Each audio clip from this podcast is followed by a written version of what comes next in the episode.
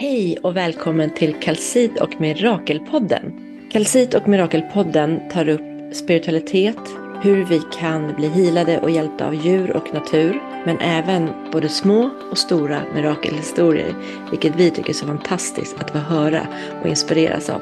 Kalsit föddes genom en önskan om en mötesplats med hjärta, fri från krav, tempo och stress. Där alla är välkomna in och bara vara de de är. För att i trygghet ta del av kunskap, landa och vara i tystnad. Eller bara samtala och möta likasinnade. Kalsit är en plats som bjuder in till både spirituell och personlig utveckling. En plats för hela livet. Vår webbshop hittar du på butikkelsit.se.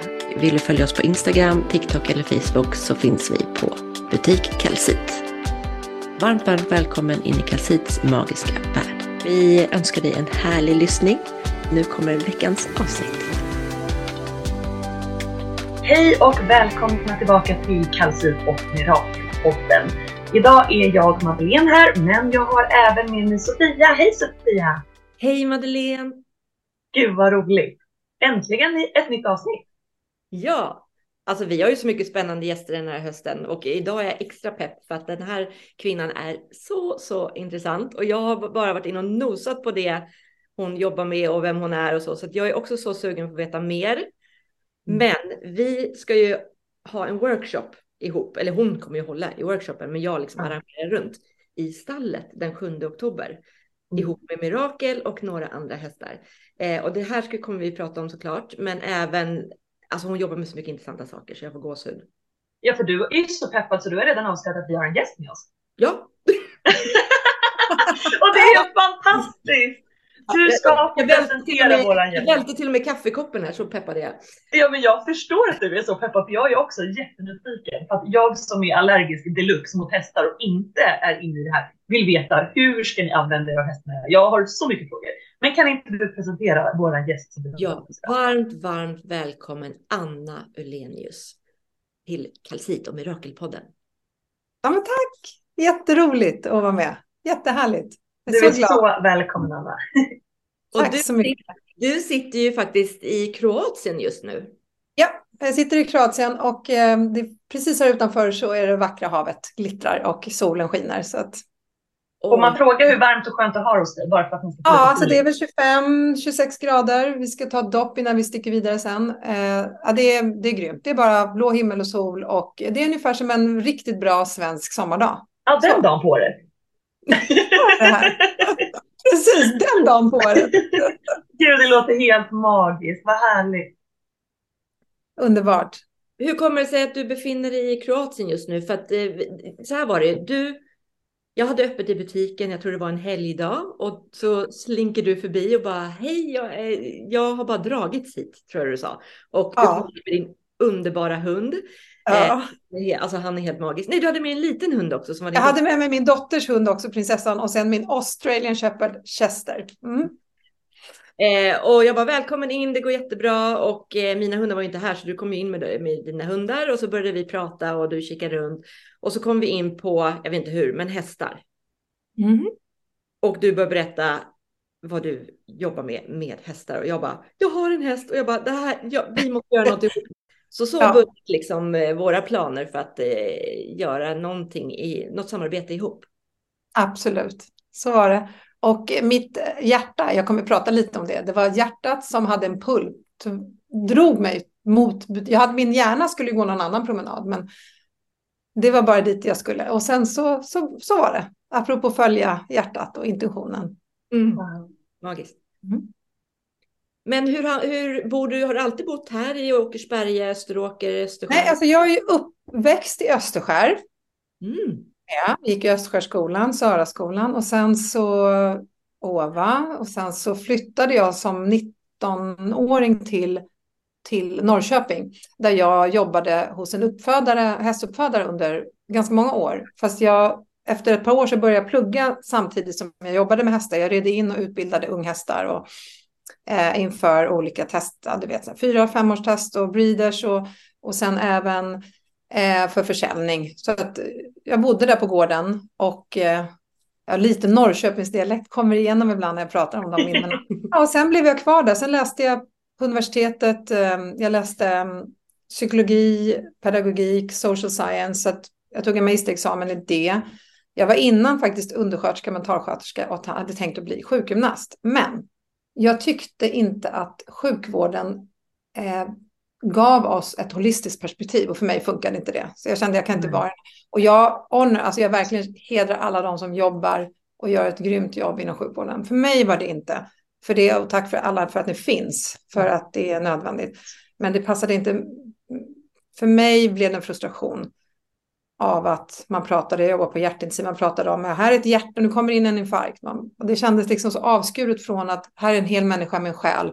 Ja. Och, eh, som är så mycket mer än bara en kroppsdel. Um, och jag tyckte inte, att, ja, det finns mycket fortfarande som man kan jobba med inom sjukvården och se hela, hela människan. Kropp, själ, det sinne och eh, hjärtat.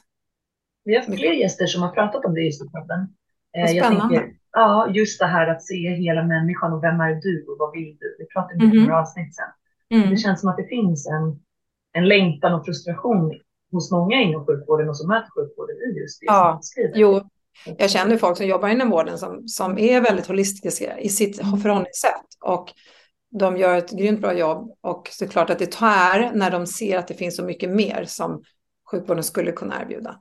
Men mm. vi behöver inte fastna där. Men det var bara lite, det var bara jag, det. Så att jag, jag, jag tycker det är väldigt eh, viktigt också att ta upp. Jag känner igen mig väldigt mycket. När jag var gravid med min dotter Lilly så var jag inlagd mm. lång tid. Eh, ja. Stora blödningar. Och mm. där var också mycket fokus bara på att bebisen skulle vara kvar där inne så länge som möjligt. Men själsligt var jag så rädd så att jag mm. fick stänga av hela min kropp från huvudet för att liksom ens kunna Eh, orka eh, och hoppas på att det skulle gå bra. Och så där, apropå min doula-roll, man skulle ha doula även för de som ligger mm. inför och försöka hålla tillbaka bebisar, alltså att bara mm. lugna mentalt och själsligt och så. Ja. Man skulle allmänt ha medmänniskor på sjukhus. Men jag tänker så här, liksom... ja, precis. Jag mm. tänker också när, när du reflekterar på det du säger, för att du blev doula efter. Ja. För att du såg att det fanns någonting du skulle kunna Mm. Komma in med ett annat perspektiv, en annan medvetenhet. Så jag tänker också mycket av det som vi upplever genom livet och många av oss som, av många av er lyssnare och ni, Madeleine och Sofia. Jag tänker, det finns ju en dragning till att ni gör det ni gör. Ja, verkligen. Och det finns någonting ni vill dela mer av. Och, och många gånger så för livet oss till utmaningar som sen ger oss en styrka. Precis där vi haft utmaningar kan vi ge tillbaka sen. Mm. Det, Men det handlar ju ofta om att man kanske också ser att det finns en en gla, ett glapp någonstans, en brist någonstans eller någonting där man känner att så här hade jag velat ha det. Och då kanske man kan liksom sätta in någonting där, göra någon skillnad. Ja. Mm. Men jag håller med, dig, håller med dig fullständigt Anna. Det är, det är mycket av det jag brinner för. Alltså ge mm. trygghet och eh, få en upplevelse på sina egna villkor. Och sin mm. egna, själv. Ja. ja. Coolt. Vad gjorde du efter den här du sa det att men jag drog mig ifrån sjukvården till slut. Bort från ja, men då, ja. Vad, det var vad tog du dig? Vad gjorde jag sen? Vad gjorde ja. du sen? Jag ska faktiskt också erkänna att mycket att sjukvården inte funkade för mig då. För att jag ville bli sjukgymnast. Så det var mitt, mm. liksom, det var målet. Men jag tänkte att om man ska jobba som sjukgymnast och, in, och vara i det, här, i det här systemet som inte för mig kändes helt friskt. Eh, då så flyttade jag ju till Norrköping sen började efter några år och jobbade med hästar och, gjorde, och jobbade med, hos den här uppfödaren. Och jag jobbade väldigt mycket, jag var väldigt ensam i stallet. Men det var också en ganska spännande upplevelse att vara själv och ta hand om 12 hästar. Oj. Och var 19 år. Eh, jag hade precis ja, hade tagit körkort så jag körde ner med mina två hästar i trailern ner dit. Och, så jag hade också hästar med mig ner då till Norrköping. Och eh, nej, men det var ju en spännande tid. Eh, men, och det jag gjorde sen, för att svara på frågan Madeleine, det var att jag eh, jobbade halvtid sen med hästar och, och pluggade på universitetet. Och det var då jag började läsa. Eh, faktiskt först skulle jag göra min pappa glad. Som många gånger gör vi ju val som inte kommer från vårt hjärta. Mm. Pappa tyckte att jag skulle läsa företagsekonomi, så då läste jag, då läste jag det ett år. Och bara kände, men nu gör jag någonting igen som inte är jag. Och eh, ja, det, jag märkte att det enda jag var intresserad av under det året jag läste, det var att vi hade fem poäng organisationsteori, för då handlade det mer om människor. För annars var det liksom inte min grej och då bytte jag spår sen och läste beteendevetenskaplig grundkurs och sen slutade med att jag specialiserade mig i psykologi mer. Jag kunde också se att det här var inte svaret som jag sökte efter, för det här var en annan box. Det var teorier. Det var liksom, och jag kunde också se hur det var uppdelat mellan den kognitiva enheten och den psykodynamiska enheten och de krigade och snackade skit om varandra. Som för mig var så här, okej, okay, nu är det här jättelänge sedan. Eh, men det var också så här, okej, okay, det, och det jag kom på sen, det var att jag letade efter medvetenhet. Och vad är mm. medvetenhet? Medvetenhet inkluderar allt, exkluderar inget och dömer inget. Um, och vi är ju oändliga varelser som är här, um, oändliga spirituella varelser som är här och har ett, en ett mänsklig upplevelse. Så att det var inte, jag tror att jag har alltid varit en sökare, så att jag sökte någonting, hittade bara nya boxar, om jag säger så. Mm. Så det, det, ja, fast forward, jag tog den här MIS-examen. Sen jobbade jag tre år på ett behandlingshem och det kommer faktiskt knyta in till det här med hästarna. Mm. För, det lät spännande. Vad var det för typ av behandling? Det var ett, ett HVB-hem, hem för vård och mm. boende för LVU-placerade och även SOR-placerade, frivilligt placerade. Men också tvångsplacerade unga kriminella killar. Eh, eller som hade det trassligt hemma. Mm. Och det var, de hade sju, åtta grabbar och jag jobbade där under tre år. Och där hade de kor, de hade hästar. Wow. Och jag märkte ju att de här tuffa killarna när de kom ner, när jag tog med mig dem till hästarna, då var de blev ju de transformerade. Då mm. blev ju de autentiska och sårbara och man kunde se de här små vilsna pojkarna som fanns där inne under den här tuff, tuffheten, den här som bara längtade efter kärlek och, mm. och bekräftelse och närhet och känna kontakt. De, det var som att det här armor, vad heter det, när rustningen smälte bort. Mm.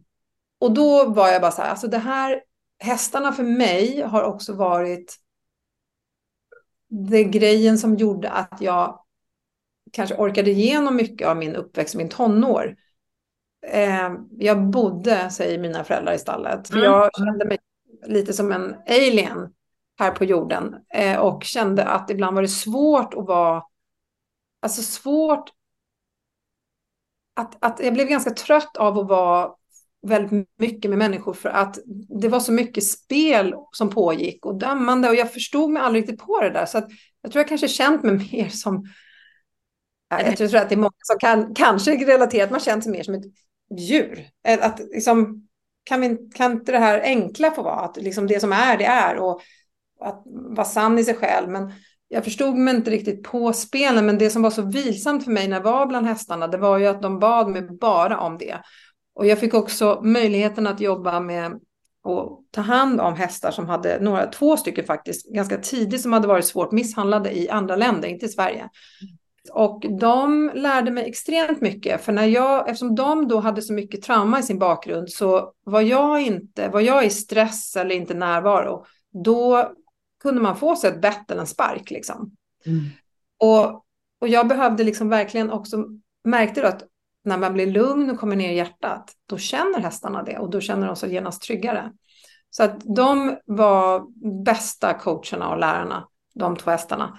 Eh, Sovereign och Silver hette de två hästarna, kommer jag ihåg. Så ja, det är, sen är det så mycket mer med hästar som nu kommer vi kanske in på lite mer spirituella saker som jag upplever att hästar, de är en av de djuren som är väldigt connectade med Moder Jord, men de har också en väldigt hög frekvens och väldigt connectade spirituellt. Um, och det upplever jag väldigt starkt när jag jobbar med hästar och använder hästar i, som medcoacher, att de hjälper mig att få väldigt mycket information om personerna som jag jobbar med. Eh, telepatiskt och, eh, och energimässigt. Och energi är ju deras första språk egentligen. Eh, så det kanske låter för en del flummigt och för en del kanske låter helt självklart. Eh, men så är min upplevelse i alla fall. Och hästar har ju under tiotusentals år hjälpt oss att bygga civilisation. Och idag så visst, det är många som använder dem. Jag har själv varit tävlingsryttare. Jag har ridit upp till SM i fälttävlan. Jag har faktiskt ett lag-SM-silver i fälttävlan. Och jag har ridit skådesyr och jag har tävlat upp till 1,40 hoppning. Och sen blev den där det blev lite för hårt för mig mm. sen till slut. Och jag kände att det inte riktigt... Jag, jag, jag värderade mer och mer alltså varandet med hästar. Det är jättehärligt att rida. Och jag är C-tränare i dressyr och älskar att rida. Men det måste få vara på hästarnas villkor. Eh, och utan gå in i achievement. Hellre vara i något självförverkligande. Att, liksom att, att vi tillsammans är som i en dans. Det är det som jag tyckte var när man red högre dressyr. Det var ju när vi, när vi klickade in i att blev som ett. Och då, för mig när tävlingsmomenten blev, jag var ju tävlade ju många, många, många år. Eh, men det blev ett pålägg som för mig inte riktigt funkade, för då tog det bort lite av självförverkligande och blev mer achieving, att prestera. Och det är min fantastiska häst Benetton som eh, har lärt mig mest av alla i hela världen, alla mästare jag har mött. Han hade jag i 16 år och han var också, när jag köpte honom, han var jätterädd för människor. Så att jag fick jobba med att läka hans trauman och samtidigt som i den processen så läkte han mig. Så att det mm. var en väldigt fin, och när han blev 20 då, tyvärr så hade han ett hjärtfel och han hade problem med ett bakligament så han fick, han fick lämna. Han bad faktiskt mig länge att lämna tills jag var redo att släppa. Det, det tog mig en stund, innan, ett par månader innan jag klarade det. För, och, och sen så var det lite jobbigt för mig att vara med hästar för att jag sörjde verkligen. Det är som att förlora en bästa vän, verkligen. Så mycket betydde han. Men, men det jag ska gå tillbaka till med Benetton, det var att alltså han har ju faciliterat flera hundra människor till läkning. Mm. En del från att ha självmordstankar och bara och inte haft något annat under en, säg 20 år till att vilja börja leva igen. Han var en, Mm, och det, alltså han är ju bara ett exempel. Men nu pratar jag mycket om honom för att han var the one för mig som jag hade glädjen av och, och det så facilitera alla dessa människor och sen red vi också upp till svår, svår dressyr. Um, och gjorde den här resan från hans enorma stress han hade och rädsla för människor till att jag fick jobba med. Och han var som en termometer. Kliver jag in i stallet och hade minsta lilla stress så han visade mig och speglade och reflekterade tillbaka det direkt. Ja. Um, jag kunde tycka att jag, nej men jag är ju, jag är ju cool idag, jag är lugn, jag är närvarande. Nej, så kollade jag på hästen, nej det var jag tydligen inte alls. så att, jag vet inte om, om det ger dig lite mer information Madeleine och alla ni där ute som inte har varit med hästar, att förstå den extrema förmågan, extremt magiska förmågan som de faktiskt har att plocka upp varenda liten detalj hos oss. Um, Just de, de känslor du beskriver som väldigt inkännande. Ja, mm. precis. Otroligt inkännande. Och sen är hästar precis som vi olika. Vissa hästar är som, som bara stora hjärtan och healingbollar och vissa mm. har andra temperament och kan spegla andra aspekter i oss. Um, så att det är det som är så spännande med det här jobbet också. Med att de individer, vi är individer. Och mm. ingenting är rätt eller fel. Eh, du nämnde innan, vi fick ju bryta för att min lilla kära hund skällde innan vi tappade spåret, men att du nämnde att hästar är ju flyktdjur. Jag tror det där vi ja. behöver bryta. Ja, just det. Därför de behöver vara så himla inkännande. När man är med hästar, apropå Madeleine, du pratar, du känner inte hästar. Det, när man är med hästar, då får man vara, de ber oss om en sak och det var autentiska. That's it. Mm. Yeah. Ni behöver inte närvarande, precis och autentiska. Och de speglar allt, därför att de är också, ja, om vi ska prata rent praktiskt, liksom mer pragmatiskt vetenskapligt, ja, de är ju flyktdjur, vilket gör att de måste veta om de kan lita på personen. Har du min rygg är du min ledare, för annars om inte du är det, då måste jag se över min egen rygg. Och, och en hund, jag, jag har ju haft hund stort sett hela mitt liv också, och det som jag tycker är skillnaden med hundar, jag älskar alla djur, jag har haft massa katter också, så att jag vill inte hålla på och säga att någon är bättre än andra, men det som är skillnaden är att en hund, de är ju inte ett, ett äh, flyktdjur som blir ätna så mycket av andra djur, mm. äh, som hästar i, traditionellt, om man säger i evolutionen, har. De är ju ett prey animal. Mm. Och äh, en, en hund känns, de är väldigt jordade, de är extremt lojala och läkande och, och kärleksfulla och, och har vår rygg och så vidare. Det som är som jag tycker är med hästar, det som de faciliterar oss på en annan nivå, de fyller en annan funktion, det är att i och med att de är flyktdjur som du säger Sofia, så måste ju de ex vara extremt noga när de väljer ledare. Mm. För det handlar om deras liv eller död i stunden. Så att är man inte extremt närvarande, hur ska de kunna lita på dig då som ledare? Det funkar inte. Eh, de måste veta att du är i samklang. Någonting som de reagerar på, det är dubbla signaler också. Om du inte är koherent, i samklang med hjärta och tanke, eh, koherent hjärta, koherent hjärna, alltså i samklang, ger kongruenta signaler, då blir det också, då blir det speglat. Då är de direkt så här, mm, eller hur, nej, kanske inte kan lita på dig helt. Och det är ju inte för att, det är ju för deras överlevnad det handlar om. Eh, jag tänker att där är en aspekt som de ger, och det som är så fantastiskt med hästar, det är att de är bara i nuet. Så att du kan komma dit och vara på skitdåligt humör och så blir du speglad i det eller stressad och så blir du speglad och så skiftar du och då skiftar hästen samma sekund. Samma sekund så ger de dig feedback att okej, okay, nu är du här. Hej, du är här nu. Så det finns ingen så här håll, att de håller, vad heter det, grudges, vad heter det på? Det är ingen långsint häst. Nej, precis. Nej, det är de inte. Och det som är fint också, för jag jobbar också med och jobbat med traumatiserade hästar, när man jobbar med också med och när man visar dem en annan möjlighet för läkning, då tar de den direkt. De har inte på loopar tillbaka sen till det förgångna som vi människor har en tendens till att göra. Um, men det kan man också lära sig att inte göra. Oj, mycket prat blev det här. Nej, men ja, det är jätteintressant. Jag sitter helt tyst. Man hör när det är intressant på poddar, för då, då, då är jag helt tyst. Jag bara... Mm. jag är alltid tyst. Ja, ni får för... stoppa mig om jag pratar för mycket. Nej, men för mig som inte har någon relation till hästar alls och verkligen inte har någon känsla. Alltså jag har träffat hästar några gånger i mitt liv. Jag blir ju superallergisk när jag går in i stall. Liksom. Så, att, ja, så att för mig är det liksom så långt bort. Så det är jättespännande. Du berättar så kopplat till Madeleine. För att ja, jag hade en workshop i någonstans söder om Stockholm för ett antal år sedan. Och då var det en kvinna som var allergisk mot hästar, mot hundar, mot katter. Eh, och hon visste inte exakt hur länge det skulle funka. Jag tror att katter och hundar var värst, men det var också känslighet för hästar. Och jag gjorde en sån här 20, det var på en sån här workshop. Mm. Jag gjorde en 20 minuters session med henne inför alla då. Så det blir ju, folk kommer ju som kommer, kommer, jag kommer plocka folk i publiken som får också bli faciliterade. Och hon skrev till mig ett år efter, jag hade glömt bort det här, att jag vill bara berätta att vi har skaffat hund nu och den där, den där sessionen tog bort min allergi. När ses vi? Det är min Kör. enda fråga, Anna. Ja, Madeleine, det kan vara Madeleine, Madeleine, kom den sjunde. Ja, men alltså, nej, ja, ja, jag kan inte. Min dotter fyller tre. Ja, men då får vi göra en privatsession. Ja, men alltså, va? då kan vi, har, vi har ju lite att testa nu Sofia, för vi har ju hört om bioresonans och vi har hört om det här. Och ju mer, jag vet inte om det har med det här med kalcit att göra, men från att ha gått till, jag har ju haft kanin och jag har haft en hamster, men det har liksom varit så här, det har inte gått superbra. Liksom. Eh, katter och hästar är värst. Jag har gått in i ett stall eller någonting, men jag ska bara vara i liksom den här ridsalen och bara, jag måste gå ut.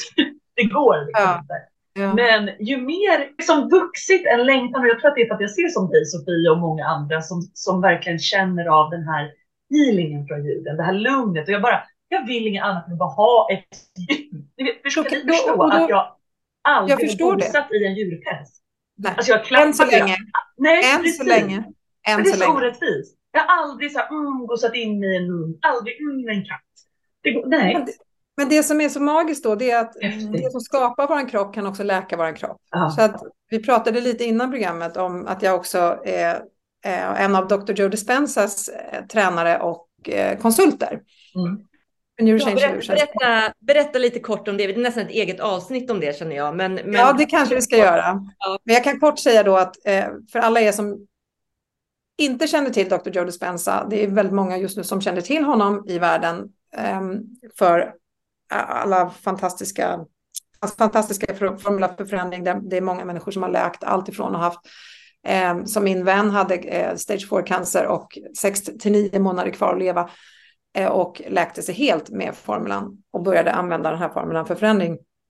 Men det, det tänker jag att vi kan gå in djupdyka på ett annat avsnitt. Men Dr. Joe är då neuroscientist och han forskar inom eh, han forskar inom epigenetik och det handlar om alltså, vår förmåga till att signalera nya gener. Mm. Så att om man har en allergi så signalerar man ju samma de generna som kommer reagera på det. Så att, och de har väldigt mycket instant remissions på hans event och även folk som har gått kurserna och börjat använda formulan för förändring läker sig själv. Så det är ingen ja. annan som läker utan det handlar mm. faktiskt om att läka sig själv. Men komma åt det undermedvetna eh, och det autonoma nervsystemet för att kunna signalera nya gener. Och jag jobbar också då kan jag nämna som eh, tidigare liv och regressions eh, med hypnos. Jag kan det på engelska ordet. Past lifetimes and regression hypnotherapy. Så det gör jag också sessioner i och där kan man också komma fatt i saker som har satt sig i det undermedvetna. För ja. att din kropp är ju inte, var, din kropp var inte allergisk från början. Nej, alltså och grejen är att jag har varit allergisk sedan jag föddes. Alltså min mormor hade katt när jag föddes och det gick inte. De fick ju liksom plocka bort, plocka bort ja, den här gamla okay. katten. För att då, någonting i mitt system blev väl tokigt fanns, där. Liksom. Eller, mm. Ja, eller kanske redan fanns med. Så att där är jättespännande ja. saker man kan titta på. Ja. Men, men du har den, den förmågan och kraften, du behöver bara verktygen och nycklarna så kan du läka. Wow. Okej, okay, we need to talk more, det hör jag. Yes. tänk, tänk, tänk, en live, alltså en podd där vi, oh, vi har redan varit oh. på ett mirakel i en podd och spelat in utan, i hagen liksom. Så oh. podd. Och att när ni kör någon sån här session ja. Eh, i hagen med mirakel. Men det ja. förstår du. Det tycker jag. Oh, wow. Det tycker jag. Det tycker jag. Nej, alltså det vore fantastiskt att få njuta av ett liv med djur. Alltså ni förstår. Anna, jag tänkte bara fråga, eh, eller berätta, återkoppla till det här du sa att du mer och mer ifrån det här tävlandet liksom och den här ja. prestation, att du ville mer vara och bara vara i samklang med hästar och liksom ja. Jag känner igen mig så mycket i det också, för det här med mirakel, mirakel är ju ingen stor häst, så det är ingen så här som jag är ute och rider på hela tiden. Folk har sagt till mig så här, men gud, saknar inte du att rida? Du, du bara går här och mockar och borstar och liksom går promenader. Jag bara, nej, alltså det är, mm. det, är det här jag eh, bara älskar. Och vara med henne ja. på marken och bara uppleva ja. skogen med henne och vad vill hon göra? Vill hon äta det blåbärsriset? Vill hon nosa där? Alltså bara vara med i hennes underbara värld. Det ger mig så himla mycket. Eh, så att det, jag förstår verkligen vad du menar, att när man bara är ett med en dans med hästen, det är ju helt magiskt. Ja, och, och hästarna är ju precis, alltså de är ju konstant i koherens, i samklang. De har alltid, stort sett alltid, förutom avvikande om de för stunden blir rädda, men de går alltid tillbaks till koherens. Eh, koherens, det är när hjärtat är optimerat och jobbar i samklang med hjärnan. När det är synkroniserat. När eh, mönstret som man kan ju mäta heart rate variability eh, och då kan man se till exempel när man är i frustration, ilska, stress, eh, skuld, skam, då är man genast, när man börjar tänka tankar som skapar de känslorna, då hamnar man genast i inkoherens. Då är kroppen, då, då tappar den energi. När man är i tacksamhet, i närvaro, eh, i uppskattning för stunden, då blir hjärtat koherent. Och hjärtat signalerar mer signaler upp till hjärnan än tvärtom. Så när hjärtat blir koherent, då blir hjärnan genast mer koherent. Och det jag tror du beskriver, Sofia, det är att när du tappar in i fältet den energin som mirakel är i, då hamnar du där också. Mm. Du blir mindful på ett riktigt sätt, inte full mind med räkningar som ska betalas, det som jag måste göra sen. Det går liksom inte. Man blir så i närvaron och då börjar man hamna i ett flow state. Och eh, när vi pratar mer om de andra kurserna jag gör med Dispensa, då kan vi prata mer om hjärnvågor och vad, hur vi kan också. Eh, men flow state, apropå det vi pratar om, det är också nyckeln till att börja få tillgång till både det undermedvetna och det medvetna. Så att det är en gåva och, och, nu när du tog upp det så ska jag säga det att vi människor, vi har ett, ett fält, ett elektromagnetiskt fält som man kan mäta som är upp till 3 meter, 2,63 meter för oss människor. På en häst är det upp till 15 meter. Oj! Så att, och då kan jag också wow. lägga till att de är nästan alltid i koherens och våra hjärtan smittar varandra. Om ni går in i ett rum där folk är stressade, då kommer ert hjärta känna mm. av frekvensen. Och, och då får ni kanske ibland ta några djupa andetag för att säga åt kroppen att det är lugnt. Vi är inte stressad, det pågår en massa saker här. Mm. Eh, men om vi då tänker oss att vara med hästar, de har inte bara ett större fält, de har ett starkare fält också. Så deras vågor, deras elektromagnetiska vågor som är koherenta, påverkar oss ännu kraftfullare och hjälper vår kropp att hamna i tillstånd av läkning faktiskt. För när vi är i flow state, då är det 1400 kemikalier som flashas ut i kroppen som, är, som bygger upp och läker kroppen. Och när vi är i stress, då är det 1400 kemikalier som långsiktigt bryter ner kroppen. Det är inte farligt att vara korta stunder i stress. Men det, det, som händer är att vi, vi ackumulerar stressen genom att vi inte får utlopp för den och vi fortsätter att producera samma stressande tankar. Mm. Det där vi hamnar, man ska Välkommen till mitt liv. Nej. Eh, det här jag brukar säga, jag brukar dra zebrahistorien, det här att gå ner ja. och peta. Alltså att eh, blir man attackerad av ett lejon på savannen, eh, kommer undan det lejonet, då går ju zebran ner och betar och fyller på energi och ger mm. återhämtning. Ja. Eh, så, men vi har ju bara lejon på lejon på lejon på lejon. Ja. Mm. Det, är, det är kollegan på jobbet och det är ja. exet och det är nuvarande och det är grannen och det är ditten och datten och våran egen självkritiker. Som... Ja, men både det och sen tänker jag som du beskrev den här ytliga världen, för det känner jag mer och mer. Eh, just när man får perspektiv på att prata riktiga samtal med människor och prata det här ytliga, att det är nästan, jag känner mig nästan otrevlig för det är så ointressant. Ja. Att den där, hej det är ju bra själv, alltså det blir så här, jag, jag ler fast jag känner så här, gud vad det här inte är på riktigt. Jag bara, jag bara ser ut så här och jag känner hela ja. att det här är inte på riktigt. Att det också tar en inre stress. Det, tar, det gör ju det. Ja. För att, vet du varför? Därför att du är inte autentisk då. Nej. Du kan inte vara autentisk. Och det är också faktiskt det som jag pratar med hästar. Tack Madeleine för att du tog upp det. För att hästar vill ju bara att vi ska vara vi. Alltså vi ska mm. vara autentiska, vi ska vara kongruenta, vi ska känna oss själva så att vi kan vara autentiska. Men många gånger har vi ju till och med tappat bort vad är det jag vill, vem är jag, vad känner jag, vad vill jag? Mm. Och då är det lätt att vi hamnar utanför oss med vad vill den personen? Hur kan jag, hur kan jag göra den personen nöjd istället för att komma tillbaks, vad, vem är jag och vad funkar för mig? Och hästar hjälper oss att hamna och vara autentiska, för det är precis det de speglar när vi inte är autentiska. De kommer hela tiden ge oss en feedback. Mm. Och sen kommer vi också få en belöning i form av att de ser oss och vi, de känner oss, alltså de närmar sig oss och vill vara närmare oss när vi är autentiska. Och då får vi bada ännu mer i den här koherenta, den, deras stora hjärtfält. Mm. Och det som också jag vet att vi, när vi känner känslor som tacksamhet så hamnar vi ju i väldigt goda tillstånd när det gäller att bygga upp och reparera kroppen och det är en väldigt skön känsla. Men att vara autentisk, att när vi är fullständigt autentiska, någonstans så läste jag av en neuroscientist att de har mätt upp att vi, den, den emotionen, tillståndet är 4000 starkare. 4000 gånger starkare än att bara vara, alltså bara vara i tacksamhet eller uppskattning om man säger. Så att, eller kärlek, kärlek är ju extremt hög, men mm. tydligen att, att vara autentisk. Och vad är det då? då? Ja, kom till workshopen så får ni utforska det. Ändå är det det vi liksom jobbar bort mest i det här samhället. Var likadana, var bara liksom enligt normen, här är den här fyrkantiga mallen, pressa dig igenom. Man fokuserar mycket på så här, vem förväntas jag vara? Och egentligen är det som får oss att må bäst att vara den man egentligen är. Det finns folk som brukar säga så här, men vem var du innan alla talade om för dig hur du skulle vara och vem ja. du skulle bli? Och ja. det är en så bra frågeställning som jag tycker att man ska sätta sig ner, skriva kring och reflektera kring. Ja. För vem var jag innan de här lagren lades på? Ja, verkligen. För ofta, jag upplever att det var jättemånga år, jag levde och var jättelycklig, men nu när jag tittar tillbaka så saker jag tycker om, eh, färger jag gillar, det jag tycker om att omge mig med, alltså alla de här sakerna, det är ju precis det som var när jag var riktigt liten. Det finns ju liksom, det utvecklas med hela tiden, men att vem var du innan samhället och alla berättade för dig vem du mm. skulle vara? Mm.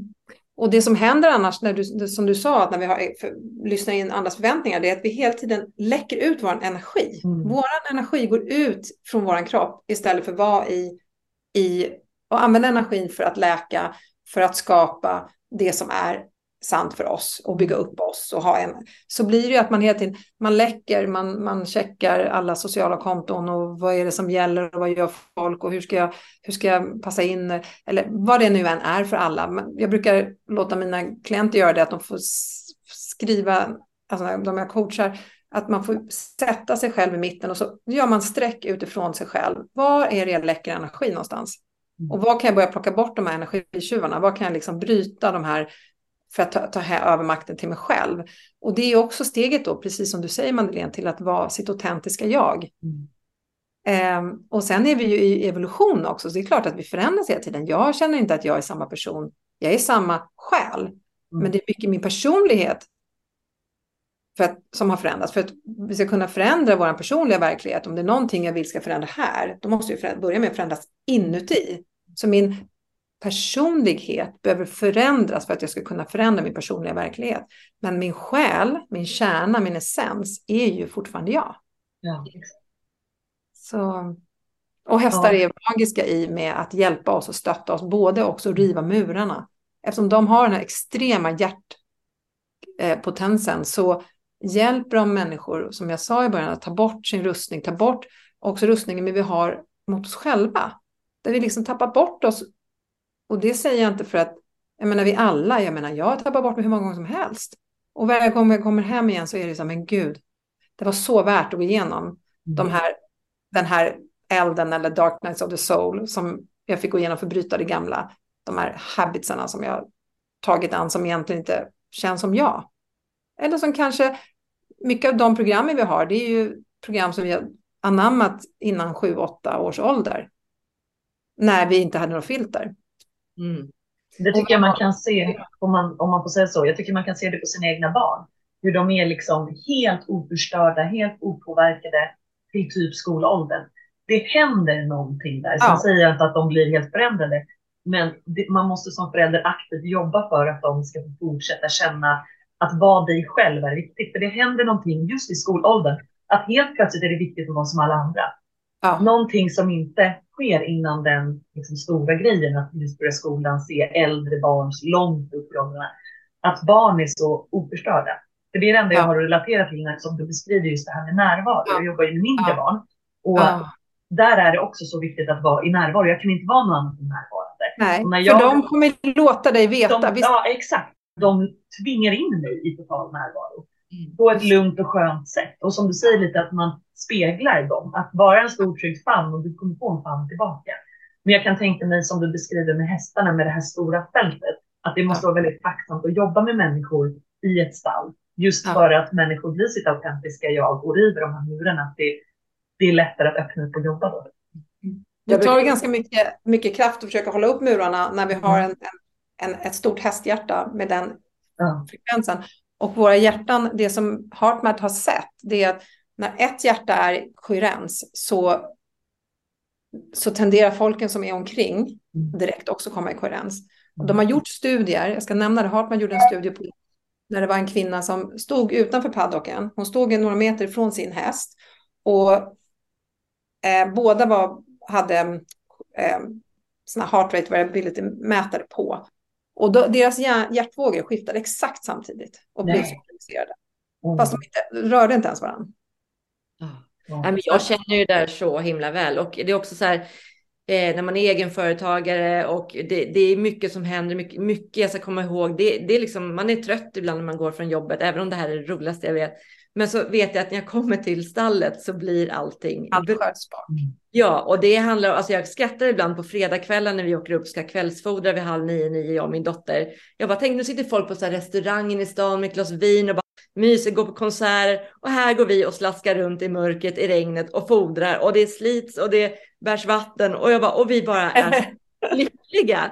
Mm. att, alltså, så mycket ger ju hästarna att man ger som, alltså både pengar av sin tid och kärlek till de här djuren, men för att man får ja. tillbaka. Ja. Men det gör ju något för människor, djur gör ju något för människor. Och det är väl där den här längtan efter den här lilla hunden eller vad det nu kan vara finns. För att se sina, barn, ja, se sina barn med djur, det gör något med. Alltså ja. Det, ja, det finns ja. där. Mm. De, är här, de är här som väldigt spirituella varelser. Jag tänker på faktiskt alla varelser är ju en del av det gudomliga helheten och eh, ger av sitt om vi vill och öppna upp och, och, ta emot de gåvorna som de har. Jag tänker när avatar, avatarfilmerna som har varit nu, eh, mm. just när de eh, kopplar ihop sig med de här hästarna, det. vad det är de rider på, men jag tänker att det är hästar. Ja, det är som ihop häst. sig, min, min sitt hår med liksom hästen. Ja. Ja. Alltså de har fångat upp den här känslan så bra. Ja, ja, ja men exakt. Och det kan du göra liksom också när du är från backen, du står bredvid hästen och så bara smälter du in. Ni smälter ihop liksom. Så att det, och ehm, nej men det är extremt stark, starkt att uppleva de här kurserna. Ehm, det är fantastiskt hur hästarnas energimedvetenhet är och deras villighet att facilitera och supporta oss på den här resan till läkning också. Så att, um, kan, ja. inte berätta, kan inte du berätta hur, eh, hur du kom in på att hålla sådana här workshops och kurser och sen även hur, hur, hur går det till nu den här workshopen? Det kommer komma en massa deltagare dit, det är redan massa anmälda, jättekul. Eh, det finns platser kvar. Men, eh, men vad kommer hända liksom, när de väl kommer in där? Liksom så? Det är också intressant. Ja, så första frågan, eh, att jag började, det var dels min egen upplevelse när jag växte upp, hur mycket jag, jag fick vara jag och eh, blev faciliterad av hästar för min ökad, för ökad självmedvetenhet och, eh, och vara autentisk, bli autentisk ledare också, att vara autentisk ledare i mitt eget liv för mig själv. Eh, det, det, är en sak. Eh, apropå varför hästar. Sen var det då upplevelsen på när jag jobbade på behandlingshemmet. Sen fortsatte jag ju och startade eget för nu, 24, ja, 23 år sedan eller något. Och hade klienter då. Och jag, jag hade ett par stycken unga personer som hade haft en väldigt svår uppväxt. Som hade väldigt svårt därför för att lita på människor. Och då så hade jag ju eh, en hästgård. Så då gick jag, när jag kände att nej men, det, här, den här, det här är, det är för mycket eh, brist på tillit och mm. Eh, någon, jag vet en tjej som jag minns väldigt väl, hon hade gått på BUP i nio år liksom, och det hade inte hjälpt henne. Hon hade extremt mycket ångest och självskadebeteende, anorexia, hade pendlat mellan anorexia och bulimi och extremt svårt att lita på människor och vuxna. Så att eh, då var det bara så här, nej men vi går väl ner till stallet då. Så, mm. Eller ner till hagen. Och sen så såg jag hur eh, vilken effekt det hade på hennes utveckling. Och hon fick göra session om hästar, hon fick börja kliva in i sin kraft. Så det är både det här med att öppna upp och vara sårbar och autentisk, men också hur, tänk att få 500 kilo att röra på sig. För att jag sätter en intention och jag visar med min kropp vad jag vill. Eller att jag får hästen att stanna för att jag sätter den intentionen. Jag är klar, jag är ren i mitt kroppsspråk. Och det blir som att hämta hem sig själv. Så det är väldigt empowering. Och sen började jag hålla de här kurserna. Jag var på Ängsbacka, jag blev faktiskt inbjuden de var där i flera år och hade på No Mind-festivalen. Det är länge sedan nu, men tre år, 2011, 12 någonting och, och jag kommer inte ihåg om det var 2010 första gången, jag minns inte exakt. Men då var det ju väldigt många i publiken så att jag fick många klienter därifrån, de var med och upplevde det och sen ville de ha mer och frågade efter kurser. Så att det blev så och ett och tre så var jag liksom, jag har varit i Sydafrika, ett par gånger. Jag har varit i USA flera gånger och hållit kursen. Jag har varit i Costa Rica och hållit den. Um, jag har varit, um, vad mer har jag varit? Jag har varit i Spanien ett par gånger också. Jag har haft fyra, fem dagars wow. kurs och den längtar jag efter. Jag får mycket, jag får mycket förfrågningar fortfarande för att efter Benetton, min kära häst, fick lämna så jag, då tog jag ett avstånd ett tag. Jag mm det var för mycket. Det var, jag behövde läka min sorg mm. eh, med, från den hästen. Att, Ehm, så, då, så nu är det liksom lite uppstart igen med mitt nya jag. Och jag skulle vilja säga att jag själv har väl gjort många inre transformationer sedan dess. Så att jag är själv nyfiken på vad som kommer hända den sjunde. Ehm, men det som kommer hända är att det kommer komma människor dit, fantastiska deltagare. Och eh, Sofia där och stöttar och håller space och sen kommer jag facilitera tillsammans med hästarna. Och hästarna bestämmer tillsammans med deltagarna och med mig eh, i nuet vad som händer. För att vi, vi, jag jobbar med medvetenhet, så att man får jobba mm. med, den, med det som är då just då. Jag, det är klart jag har en agenda, men det beror på. Vad är det hästarna visar som behöver ses? Vilka är ni som kommer dit? Vad är det ni behöver? Eh, men vi kommer, ja, vi kommer definitivt få möjligheten att bada i den här extremt kärleksfulla energin som deras stora hjärtan har. Vi kommer få möjligheten att utmana om det är någon som är rädd för hästar. Jag har jobbat med en kvinna, hon var ascool, hon kom till Spanien och hon grät första gången. Hon var på Ängsbacka först. Jag vet att hon stod utanför hästhagen några meter och stod och grät för hon var så rädd för hästarna. Så hon, och hon kom sen till Spanien och det slutade med sista dagen, vi red på kvällarna, så galopperade hon också. Vi kom inte rida på den här kursen, men vi hade facilitering från marken hela dagarna. Och det slutade sen med att hon skaffade häst. Hon Nej. 60-årsåldern plus när hon skaffade sin häst. Oh. Så att allt är möjligt. Mm. Eh, och hon är superhästbiten nu. Så att från att inte ens våga röra hästen och bara stå och bryta ihop i tårar för att hästarna var så intimiderande, den storheten mm. som de är. Och det är just det, att ni kommer också med hjälp av den här storheten som de är villiga att vara. De håller inte på att göra sig liten och tycker att nej, men jag, är, jag har fel färg på min man eller jag är för ditten eller smal, för tjock, för ditten. De håller inte på med sånt. Nej. De bjuder också in oss till med sitt tillåtande och sin ovillkorliga kärlek, men också sin villighet att alltid vara kraftfulla. De mm. håller sig inte tillbaks. Så bjuds vi också in och leker med vår kraft. Mm. Så att, um, Nej, det här låter helt magiskt. Det, bland annat. Ja. Vi måste ha fler sådana här kurser känner jag. Men det jag vill säga då är att det kommer ju bli ett begränsat antal på den här kursen. Så att eh, det är först till kvarn. Eh, för att vi vill också kunna hålla ett space för alla som kommer dit. Och ni som kommer dit också ta med papper och penna kommer jag på. Vi kommer göra lite olika övningar med er inre resa.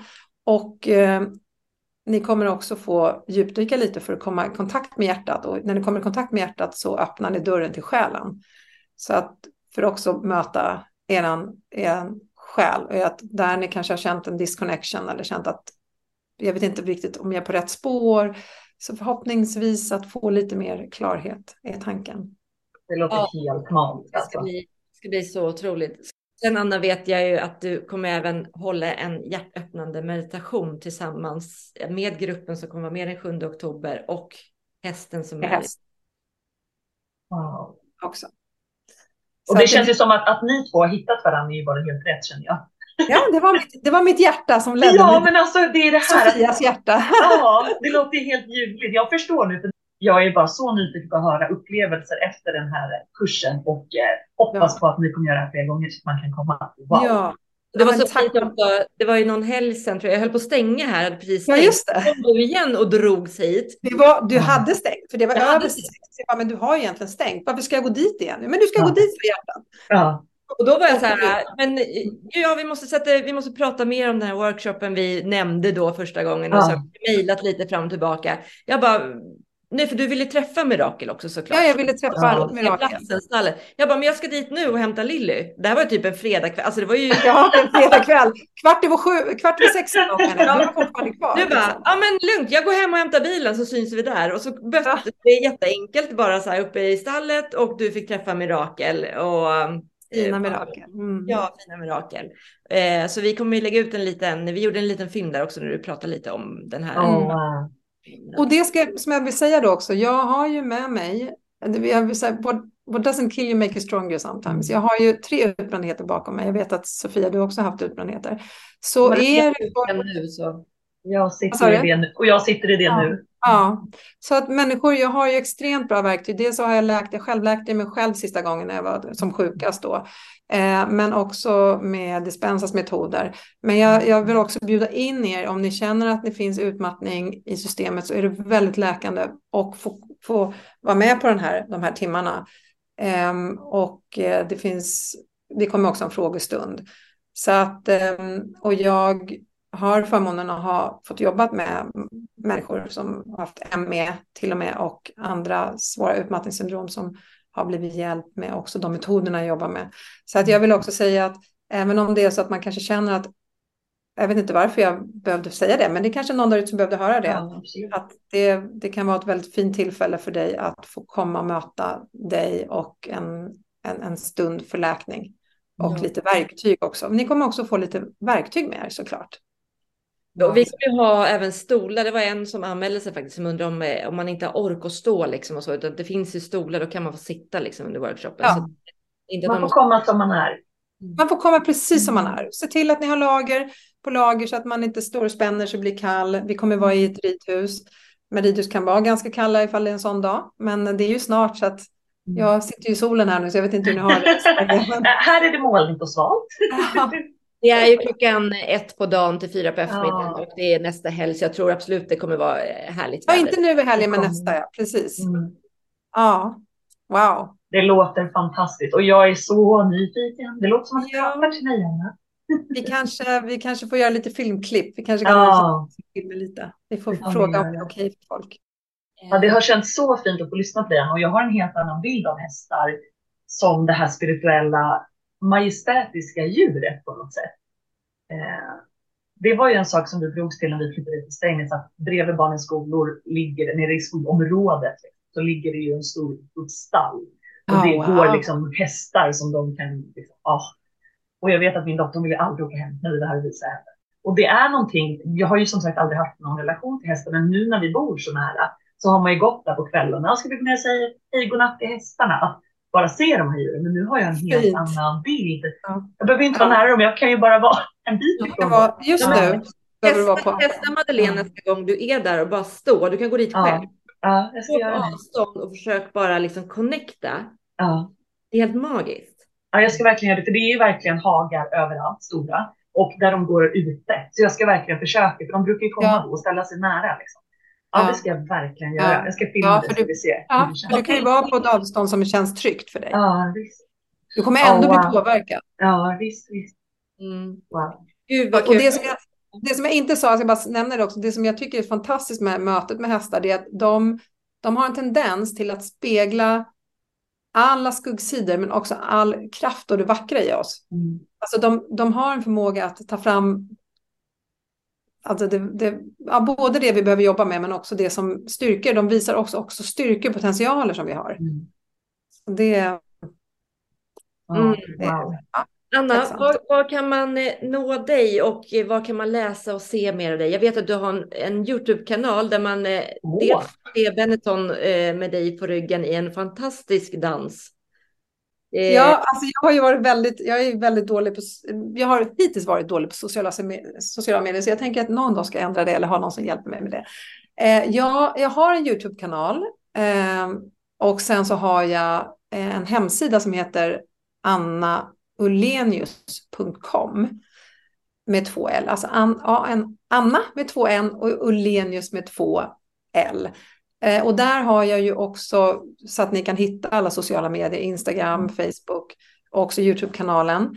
Eh, och så är ni välkomna att ringa och mejla. Jag har alla kontaktuppgifter. Om det är någon som har frågor eh, inför, inför någonting, inför vad som mm. helst, så, så hittar ni mig där. Eh, och jag jobbar ju som sagt med det här. Jag jobbar som eh, holistiskt intuitiv coach. Och guide. Och sen så jobbar jag då med, även med hypnos, men så jag håller kurser. Och jag jobbar allt ifrån ledningsgrupper på företag till privat också, privata människor. Så att jag, gör, jag har en lång erfarenhet eh, i fältet om man säger så. Och mm. eh, har fått förmånen att ha många fantastiska verktyg. Och nu på de senare åren, då, sista fyra, fem åren med Dr. Joe Dispenza också. Um, så att där, där hittar ni mig. Och du kommer ju även länka till, till din hemsida när vi lägger ja. ut avsnittet såklart. Ja, så att eh, jättetack Sofia och Madeleine för en sån fint samtal med er. Och jag ser fram emot att, att träffa dig också personligen någon gång Madeleine. Ja men detsamma, jag är så nyfiken på vad vi skulle kunna hitta på. Alltså jag blir ja. taggad. Så att det är ja. absolut ska vi ordna. Tack snälla Anna för att du gästade vår podd. Ja, vi är så tacksamma. Och tack så mycket för att jag blev inbjuden. Och eh, tack alla ni där ute som har lyssnat. Och eh, tack för att ni har den här plattformen. Och vi hoppas på återseende, Anna. Vi vill veta mer, mer, mer, mer. Ja, ja. Anna, njut av Kroatien och eh, sen kommer du hem till nästa vecka och laddar mm. upp till vår workshop. Yes, då ses vi. Helgegård 7 oktober klockan 13 till 16 och vi har fika och lite grejer också och te och sånt här så man kan hålla sig varm. Ja. Eh, och bara ta emot vad hästarna vill ge dig den här dagen. Du behöver inte kunna någonting. Du behöver inte ens eh, ha träffat en häst någon gång i ditt liv utan bara surrender och ta emot vad den här dagen har att ge dig. Och man kan och läsa mer på kalsit.se under ja, vad som händer just nu. Precis, jag vill bara säga det också för alla er som har hållit på med hästar kanske hela ert liv. Ni är också välkomna för det här är ett nytt approach. Det här kommer kanske ge en ny aspekt med att vara med din häst. Mm. Eller med hästar också. Mm. Okej, okay, tack. Och puss och kram på er. Och ha Hej då. Tack så mycket. Stor massa kärlek och värme. Ha det så gott. Vi hörs. Ha det bra. Hej då. Tack. Hej.